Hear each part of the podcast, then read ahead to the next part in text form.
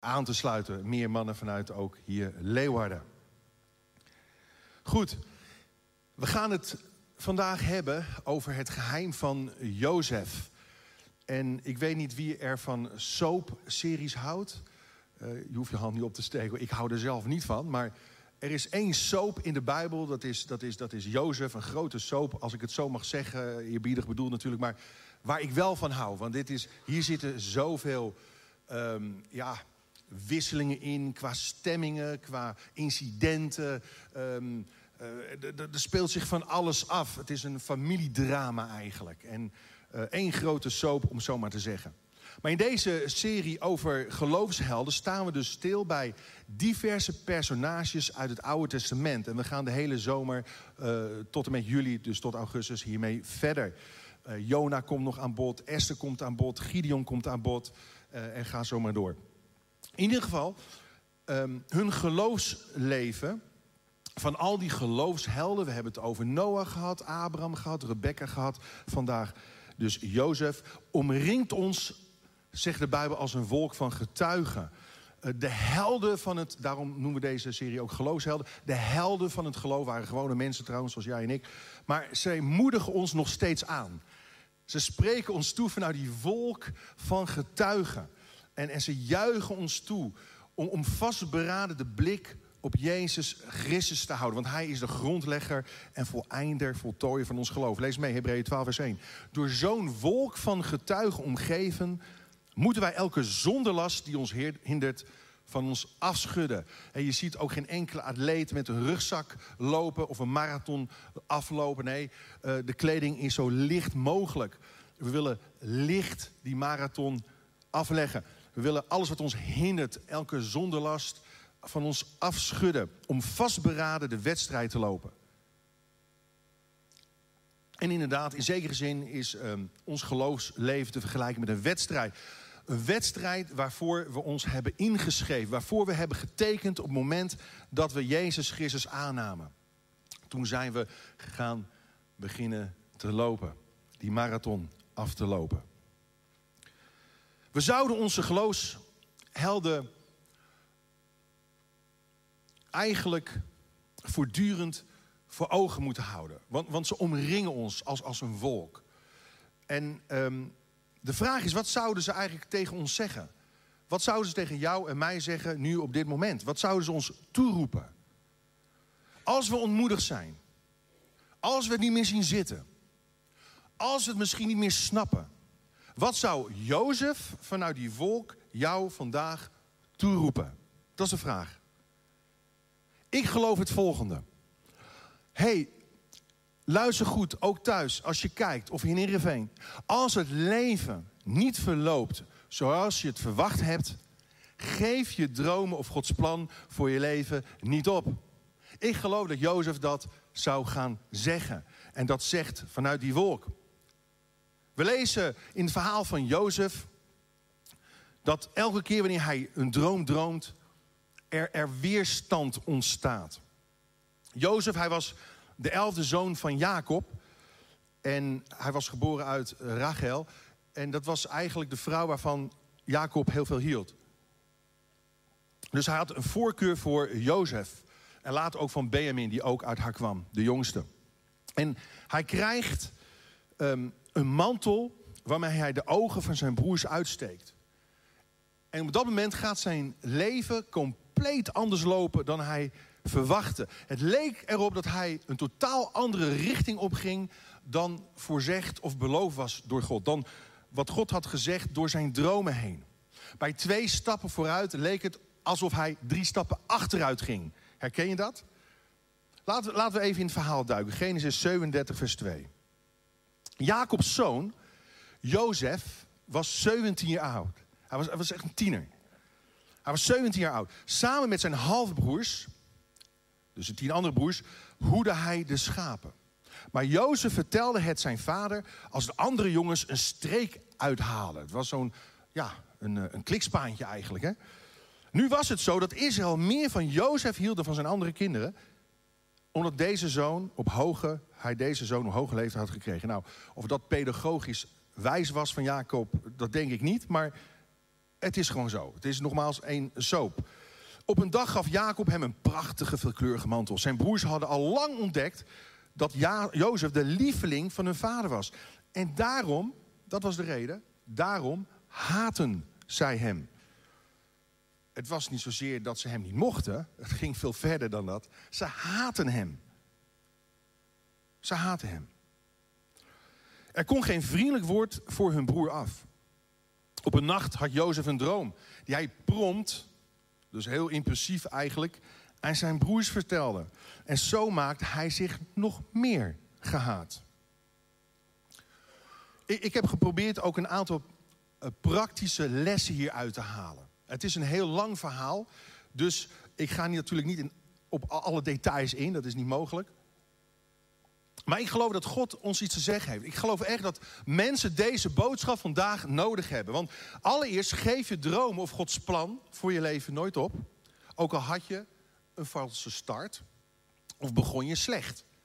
de Bijbel zegt, uh, je moet oppassen dat, dat als je in, in, goed begint, in de geest begint, niet in vlees eindigt. Maar eigenlijk begon Jozef heel slecht. Hij begon misschien vanuit zijn vlees. Hij begon, hij, hij, hij begon ja, impulsief. Hij, hij was misschien overenthousiast, wat het ook was. Maar ook al had hij een valse start, hij gaf niet op. Ook al begon hij slecht, hij gaf niet op. En we zien dat Jozef zijn droom op het verkeerde moment deelde, op de verkeerde manier en ook aan de verkeerde mensen. En als je dat doet, dan kom je in de problemen. Dan proberen mensen die droom altijd van God de grond in te boren. En op een dag moest hij dus van zijn vader Jacob zijn broers zoeken in de buurt van Sichem... om, om te kijken hoe het met hen en het vee ging. Om verslag uit te brengen. En onderweg zagen zijn broers hem al van ver aankomen... En nog voordat hij ze bereikt had, staat er, hadden ze al een plan klaar liggen om hem te doden. Om hem op te ruimen. Lees mee, Genesis 37, vers 19. Kijk daar eens, zeiden ze tegen elkaar. Daar komt die meesterdromer aan. Dit is onze kans. Laten we hem vermoorden en hem ergens in een put gooien. En we zeggen gewoon dat hij door een, door een roofdier verslonden is. En dan zullen we eens zien wat er van zijn dromen uitkomt. En ik heb het al gezegd, het is natuurlijk niet zo handig van Jozef geweest om te pronken uh, met zijn gaven, met zijn talenten. En ze haat hem, maar nu des te meer. En, en de droom die hij deelt, gooit nog meer olie op het vuur. Gelukkig was er een, een, zijn oudste broer Ruben die hem weer hield, of die zijn broers weer hield, hem te doden. Dus ze schoten hem in de put en verkochten hem als slaaf naar Egypte. Maar luister goed. Ons potentieel kan braak blijven liggen als we ons laten bepalen door ons verleden. En sommige mensen geven op omdat ze zichzelf maar niet kunnen vergeven. Of terug blijven kijken naar een valse start. Naar hun fouten, of hun zonden, of hun omstandigheden. Of misschien wel hun onhandigheden. Maar Jozef, Jozef, hij bleef doordromen. Hij hield niet op. Weet je, Gods plannen met ons leven worden altijd getest of op de proef gesteld. Wie een roeping heeft in het leven, die moet onrecht kunnen dragen. Want dat is de toets van de Heer of hij hem zoekt of zichzelf. En zo ondergaat Jozef drie toetsen voordat zijn dromen uit gaan komen. Allereerst heb je de toets of de test van ontkenning. Nou, maar dat is toch niet van God waar jij mee aankomt zetten? Dat was een van de reacties. Zeg, wat is dat voor een droom? Met andere woorden, wat denk je wel niet? Over ons koning worden? Mensen die dromen ontkennen van anderen, voelen zich vaak erdoor bedreigd. Of hebben zelf geen droom of visie voor hun eigen leven.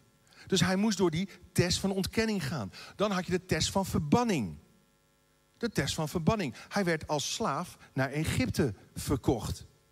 En het leek er even op alsof het afgelopen was met Jozef. Alsof zijn toekomst was weggevaagd. En inderdaad, zijn, zijn dromen werden als, als luchtballonnetjes lek geprikt. Maar God bleef, luister goed, in de diepte van zijn leven. In de dalen van zijn leven. En in de duisternis van zijn leven tunnels van hoop en tunnels van zegen graven. En dan had je de test van de tijd. Want God werkt in het verborgene. Hoe weet je of iets echt van God is? De tijd zal het leren. Pas vele jaren later komt zijn droom uit op de juiste timing, op het juiste moment.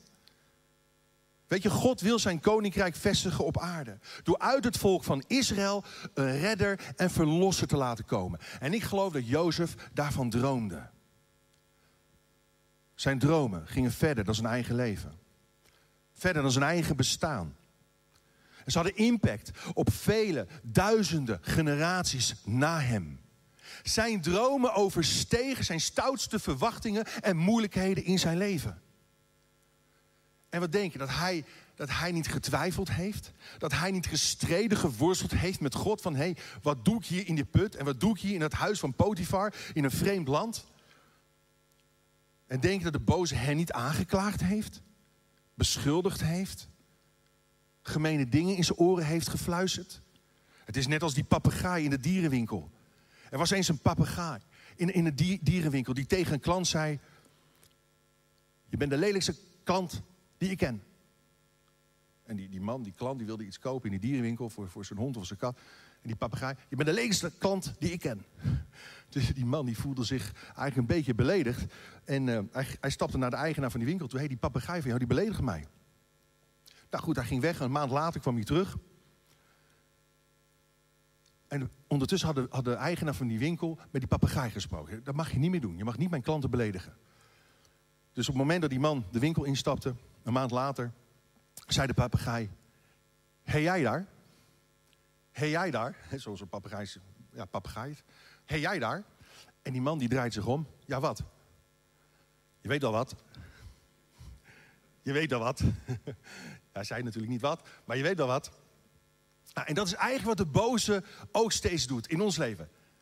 Ons in, je weet wel wat. Je weet wel wat. Weet, dat is ook zijn taakomschrijving, hè? Aanklagen, beschuldigen. Je weet wel wat je gedaan hebt. Je weet wel dat je niets waard bent. Je weet wel dat je onbelangrijk bent. Je weet wel dat je waardeloos bent. Je weet wel dat je er niks voorstelt. En zo gaat de, de boze maar door. En misschien is het ook in jouw leven zo. En misschien moet je die, die, die, die gedachte gevangen nemen, omdat het een bolwerk is die je naar beneden haalt. En denk even aan de apostel Paulus trouwens. Hij vond zichzelf, en daar komt hij openlijk voor uit, niet eens waard een apostel te heten om wat hij gedaan had. Om hoe hij begonnen was als ijveraar van zijn godsdienst. Over een valse start gesproken. Wat deed Saulus toen, Paulus later? En ja, ik was een Hebreeër. Met de wetsopvatting van een Fariseer. En ik heb de gemeente, de kerk van Jezus Christus, fanatiek vervolgd. Onder zijn toeziend oog, zijn goedkeuring. Wij Stefanus, vol van de geest, gestenigd. Hele gezinnen werden de gevangenis ingesleurd. Maar daar stond Paulus, voordat hij Jezus leerde kennen. Maar wat zegt hij?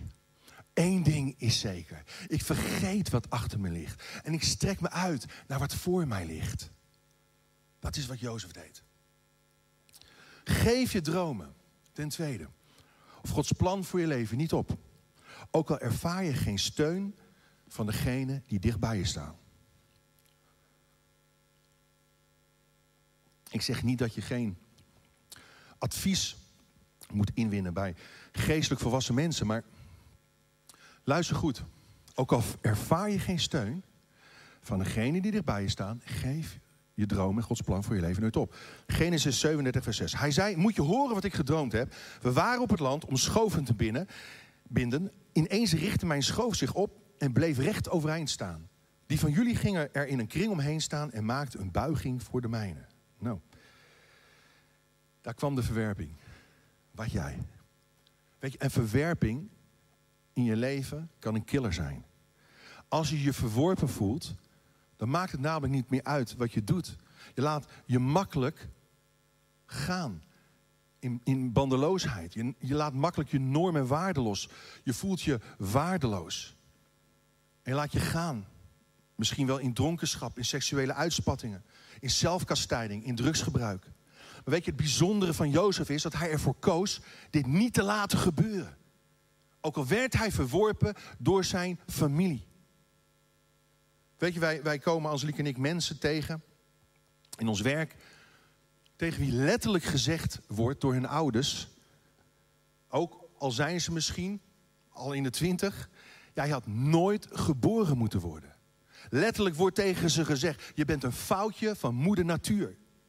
Zelfs op hun verjaardag bellen ze zelf met hun vader en moeder, omdat ze anders niet door hun ouders gefeliciteerd of gebeld worden. Hoe ver kan het gaan? Verwerping.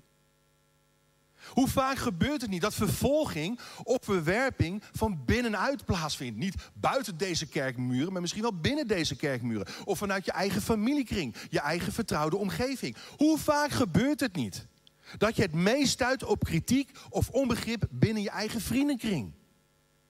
De broers zeiden: Denk je nu echt dat jij baas over ons wordt? Dat jij überhaupt iets in te brengen hebt? Dacht jij koning te worden? Over ons te kunnen regeren? No way. En weet je, aan de ene kant begrijp ik die reactie wel, hè? Want ja, Jozef die, eh, was niet zo wijs toen hij 17 jaar was. Maar de haat ging zo diep, de verwerping ging zo ver, dat je je afvraagt waarom. En ja, Jozef had die dromen ook in zijn hart kunnen bewaren. Oké. Jozef riep deze reactie enigszins ook wel over zichzelf af. Hij maakte fouten, maar dan nog. Weet je, fouten die je gemaakt hebt, kunnen van jou eisen dat jij ze je neerbuigt voor die fouten. Maar het verhaal van Jozef laat ons een alternatief zien. En dat is ons verleden en ons heden kunnen zich buigen voor onze toekomst. En dit verhaal laat zien dat alles dienstbaar gemaakt kan worden voor Gods plannen in de toekomst. Want we lezen Genesis 42, vers 5 het volgende. Zo kwamen Israëls zonen, zijn broers, graan kopen, omdat de hongersnood ook in Canaan in zijn greep hield. En op dat moment was Jozef de hoogste machthebber in het land. En iedereen moest bij hem graan kopen. Ze, ze konden niet meer om hem heen, zoals hij gedroomd had. En dit is het principe. Voor wie God liefhebben, kan alles bijdragen aan het goede. Ook al zien we het niet op het moment. We weten dat het lijden van deze, deze tijd, deze wereld, in geen verhouding staat tot de luister, de macht en de majesteit die ons in de toekomst zal worden geopenbaard. En ja, we verwachten nu genezingen en doorbraken, maar we weten uiteindelijk dat er een nieuwe hemel en nieuwe aarde zal komen. Dat we hier maar tijdelijk zijn. Maar alsnog geef je dromen en Gods plan voor je leven niet op. Ten derde, ook al is je levensreis vol verrassingen en tegenslagen.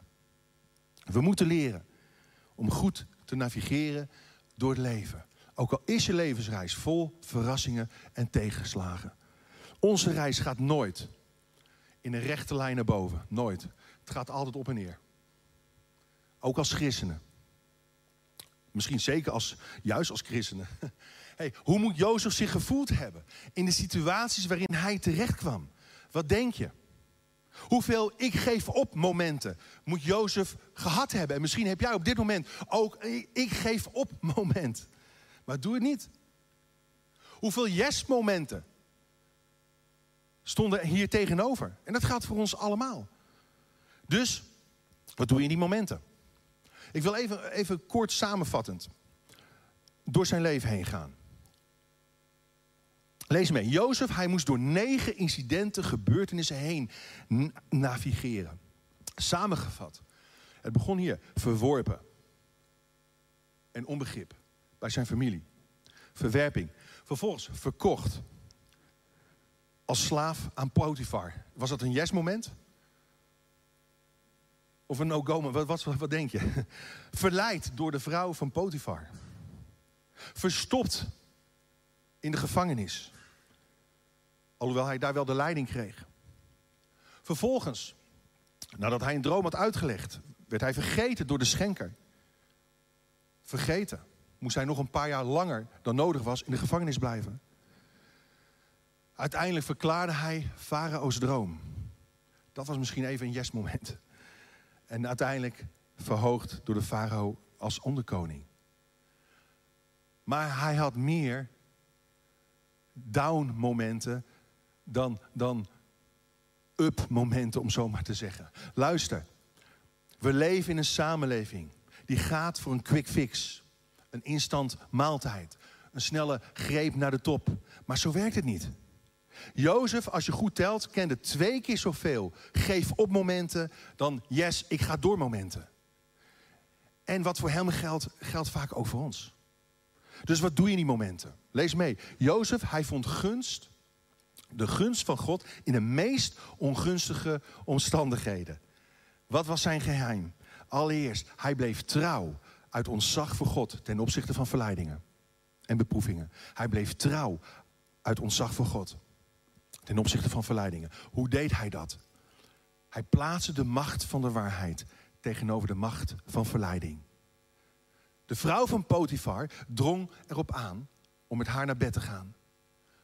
Maar Jozef, hij dacht aan wat waar is. En hij zei, hij noemde het letterlijk, dit zou een grote waandaad, wandaad tegen God zijn. Een grote wandaad. Met andere woorden, denk aan de gevolgen. Denk aan de schade die het aanricht in relaties. Vermijd de dingen die je in verleiding brengen. En Jozef, hij rende weg. Hij rende er niet naartoe. Hij vluchtte. Vlucht van de hoererij staat er ook in in het woord van God. Vlucht, dat is geen zwakte, dat is een kracht als je ervoor wegrent. En dan vervolgens, hij bleef trouw in alles wat hij deed met het oog om anderen te zegenen. Hij bleef trouw. Hij bleef dienen. Ook al was hij niet in Israël, maar in Egypte, hij bleef dienen. Potifars huis werd gezegend, werd tot een succes gemaakt. De zegen van de Heer rust op alles wat hij aanraakte. In het huis van Potifar. Weet je, het is zo mooi. Wanneer je accepteert dat anderen misschien er wel met de eer van doorgaan. Terwijl jij je kwaliteiten inzet. Als God maar zegent, dat was zijn houding. Vervolgens, hij komt in de gevangenis terecht. En de Heer bewees hem zijn goedheid door ervoor te zorgen dat Jozef ook daar in de gunst van de gevangenbewaarder kwam. En hij krijgt de leiding in de gevangenis. Hij legt dromen uit van een schenker en een bakker. En ik heb het al gezegd, twee jaar later. Als een schenker in leven blijft, denkt hij pas aan hem. En, en, en als, als de farao uh, gaat dromen over, over zeven uh, magere en zeven vette koeien, dan is er niemand die die droom kan uitleggen. Behalve denkt de schenker, wacht even, die gast in de gevangenis, Jozef, die moet je tevoorschijn halen. En Jozef, hij komt niet alleen met, met de uitleg van de droom, hij komt ook met de oplossing. En in de zeven jaren van overvloed moesten ze een vijfde deel achteruit leggen. En zo werd hij, door zijn vasthoudendheid, door zijn trouw, de meest invloedrijke man in Egypte. En dat was een wereldmacht. Dat was niet zomaar wat. En dan staat er dit. Het getuigenis van de farao over Jozef. Lees mee. Zouden we ooit iemand kunnen vinden als deze man? Iemand die zo vervuld is van Gods geest? We hebben het vanavond over tongentaal onder andere. Maar dat is niet het enige teken hè, van de vervulling van de Heilige Geest. De wijsheid van God is ook, ook een uiting van de vervulling. En de vrijmoedigheid en de kracht van God in ons leven. En, en, en toen richtte hij zich weer tot Jozef. En hij zei, u vertrouw ik het bestuur van mijn paleis toe. En heel mijn volk zal doen wat u beveelt. Alleen door de troon zal ik boven u staan. Wauw. Geef je dromen en Gods plan voor je leven niet op. Ten vierde, ook al duurt het lang voordat je een uitkomst ziet laat je niet verleiden door de gedachte: ik ga voor mezelf. Ik ga voor mijn eigen belangen, eh, mijn eigen wensen. Nee, door consistent te zijn in dienstbaarheid zal je juist in invloed en zegen vergroot worden. Overal waar Jozef kwam, was hij dienstbaar. En de les is deze: help de droom van anderen vooruit te helpen komen en jouw eigen droom blijft bestaan. Toch moet hij, hij geworsteld hebben met de waarom-vraag. Zoals Habakuk. Heer God, hoe lang? Duurt het nog? En, en, en de profeet Habakuk, hij, kon het leed van zijn volk niet meer aanzien. Hij zei, lees mee. Hoe lang nog, Heer, moet ik om hulp roepen? En luistert u niet? Moet ik geweld schreeuwen? En brengt u geen redding? Misschien op dit moment zeggen mensen dat in de situatie van Oekraïne. Heer, hoe lang nog? Of in een financiële situatie waarin je verkeert. Of in een relationele situatie waarin je geen uitzicht meer ziet. Heer, hoe lang nog moet ik om hulp roepen? Ik weet zeker dat hier en thuis mensen zijn die hetzelfde roepen. Hoe lang nog, Heer? Hoe lang nog, Heer? En je, je staat op punt om op te geven, maar doe het niet. Als onderkoning redt Jozef Egypte van hongersnood, later zijn familie. Maar het duurde jaren. Voordat de beloften van God in vervulling gingen. En God zei ook tegen Habakuk, lees mee, 2 vers 3. Het visioen wacht de openbaring tot zijn tijd gekomen is. Het getuigt ervan. Het liegt niet. Ook al is het nog niet vervuld. Wacht maar. Het komt zeker. Het zal niet uitblijven. Wie niet oprecht is, kwijnt weg. Maar de rechtvaardige zal leven door zijn trouw of geloof. Ik wil heel kort afsluiten met een aantal meenemers. Praktische meenemers. Die levensvernieuwend en veranderend zijn. Dat weet ik zeker. Allereerst, focus meer op wat er in je gebeurt dan wat er met je gebeurt. Focus meer op wat er in je gebeurt dan wat er met je gebeurt. Heer, wat wilt u mij leren in deze situatie? Wat wilt u veranderen in mijn leven? Wat moet gezuiverd worden of weggesmolten worden in het vuur van deze beproeving? Heer, wat wilt u in mij doen? Wat wilt u tot mij zeggen? En niet wijzen voortdurend naar de ander.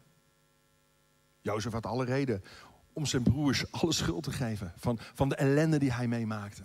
Maar zei, Heer, wat kunt u in mij doen? Hoe kunt u mij gebruiken?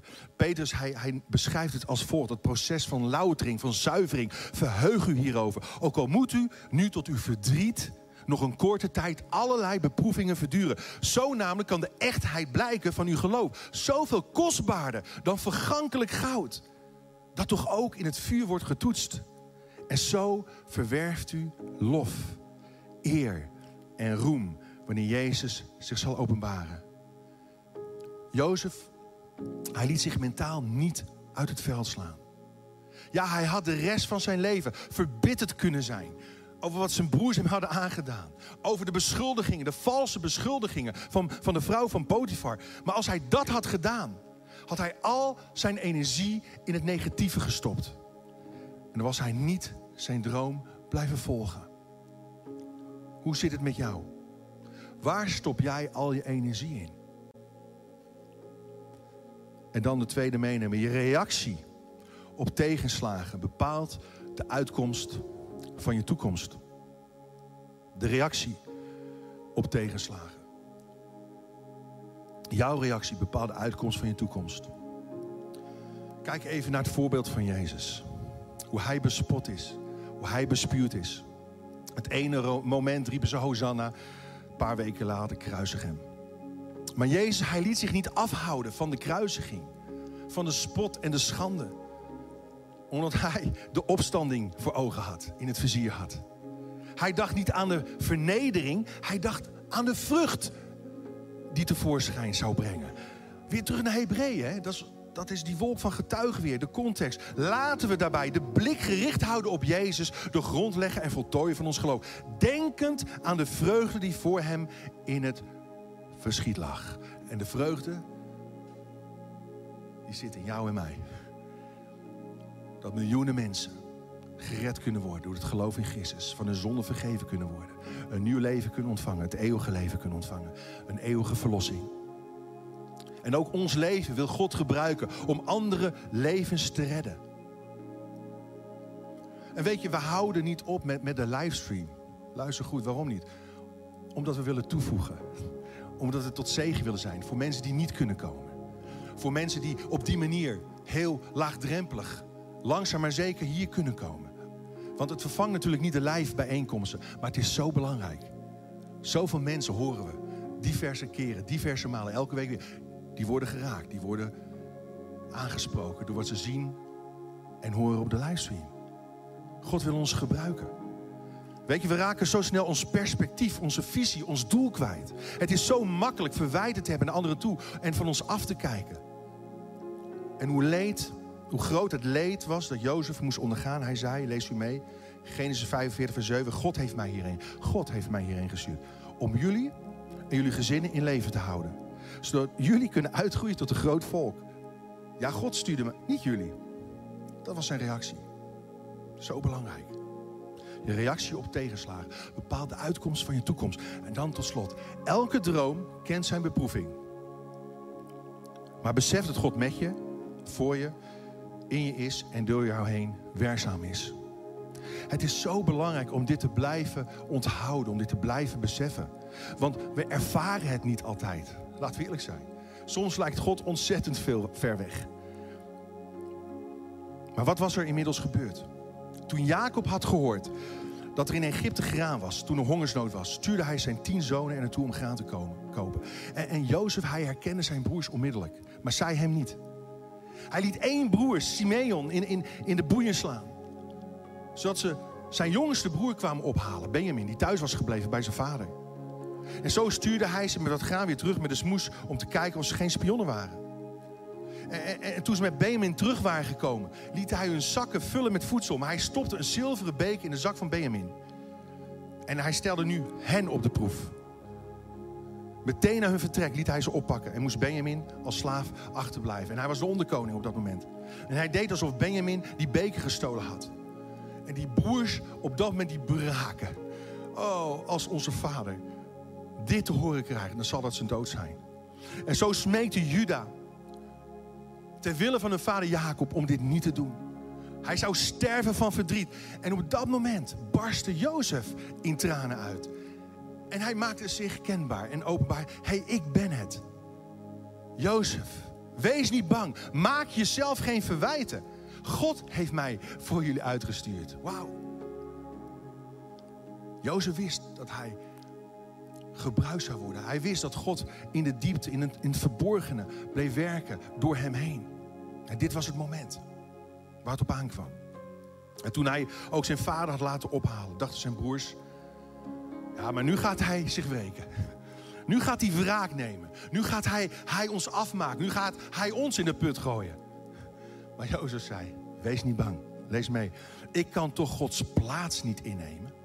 Weet je, dat is het, hè? Wat we doen als we gaan oordelen over mensen. Als we mensen gaan vervloeken, dan gaan we in feite dan gaan we als rechter spelen. Maar Joost, nee. Jullie hadden kwaad tegen mij in de zin, maar God heeft dat ten goede gekeerd. Om te bewerken wat er nu gebeurt. Dat een groot volk in leven blijft. Om te bewerken wat er nu gebeurt.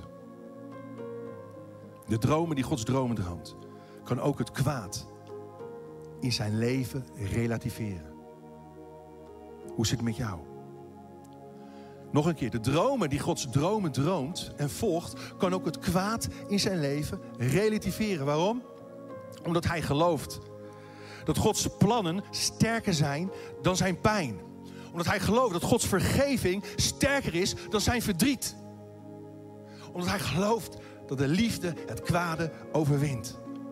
God werkt door alles heen en is met je en is voor je en is in je. Om je te kneden naar zijn beeld. Het beeld van zijn zoon Jezus Christus. Jozef. Weet je waar dat vandaan komt, Jozef, die naam? Van het werkwoord Jazef. Jazaf. En dat betekent vanuit het Hebreeuws toevoegen. Het betekent letterlijk hij die toevoegde. En dat is ook een beeld van Jezus Christus. De redder van deze wereld, die kwam toevoegen. Die leven en overvloed kwam geven. En we zijn geroepen allemaal om toe te voegen.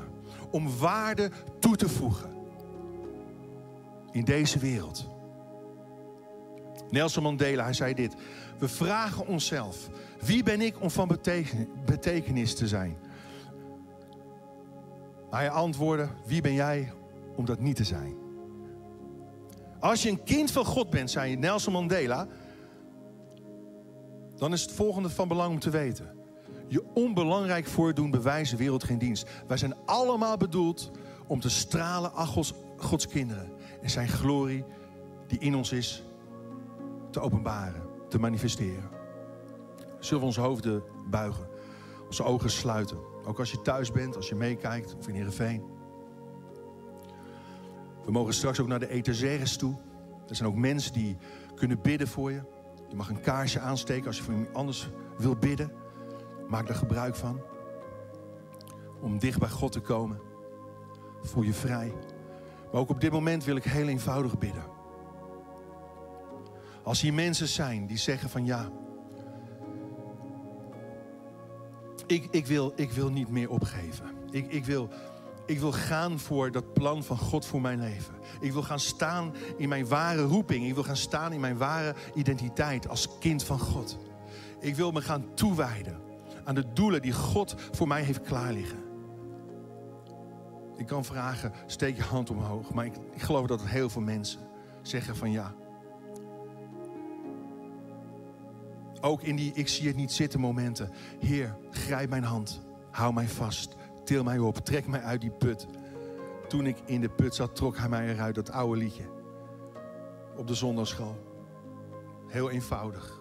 Heel basic. Maar het is nog steeds zo relevant. Misschien op dit moment voor jouw leven. Heere God, bid maar zachtjes mee. Kom in mijn leven. Trek mij hier uit. Haal mij hier uit. Ik wil trouw blijven. Aan uw woord. Ik wil trouw blijven. Aan uw belofte. Ik wil trouw blijven. Aan uw dienst. Voor uw koninkrijk. En stel mij tot zegen voor andere mensen. Help mij toe te voegen. Toe te voegen. In Jezus' naam. Halleluja. Amen. Zullen we gaan staan, lieve mensen? En God gaan aanbidden. En tijdens de aanbidding mag je ook nogmaals naar voren komen voor gebed.